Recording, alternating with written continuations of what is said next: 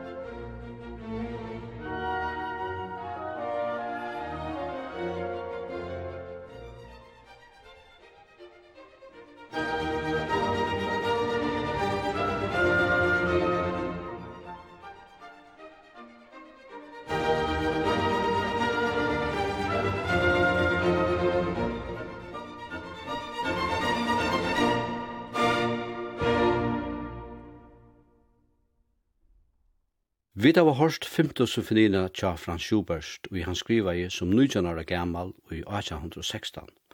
Det var Royal Concertgebouw Orkestra under Loslo av Leonard Bernstein, som spalte fyrir jokken. Og fra symfonisk og tøvnløyge færa vi nu iver til kamertøvnløyg. Vi færa at lusta etter å fyrsta satse ur øyne av mongo studiekvartetten og tja Schubert. Han skriva i høylar 15 fotlar studiekvartetter om framt æra satser fire sama ljåføres samansetting. Vi fer i det at høyra ur tutsjende i røyene, og hesa skriva i han i 1813 som 15-16 år gammal. Fyr jeg sier at akkurat som det er, jeg halte at det er fantastisk. Om jeg kan nøyta til året, at et så ungt menneske kan skriva så gauvan, djupan og vekran til Nevermind. Her kommer første satsur ur studiekvartett nummer 20 i Estor til Schubert. Og det er spanska kvartetten Quarteto Casals som spiller.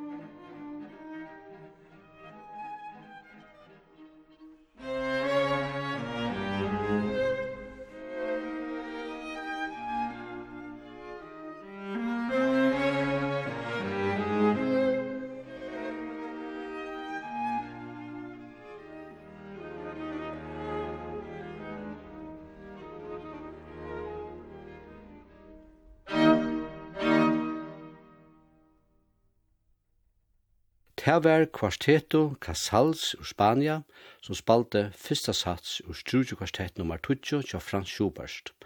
Og vi tog er vi kommet fram i møte sørsta versjonen og i sendingen i det.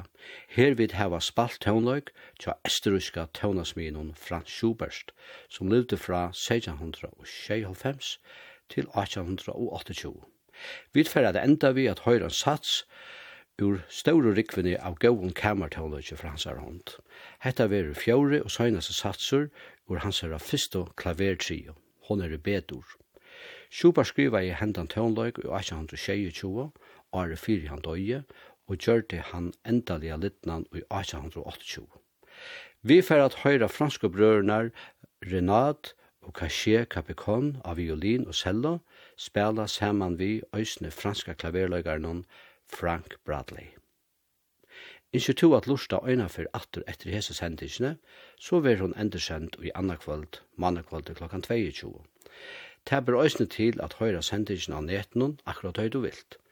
Så først du ber inn av heimasynet til kringvarpen kvf.fo framskak bolero.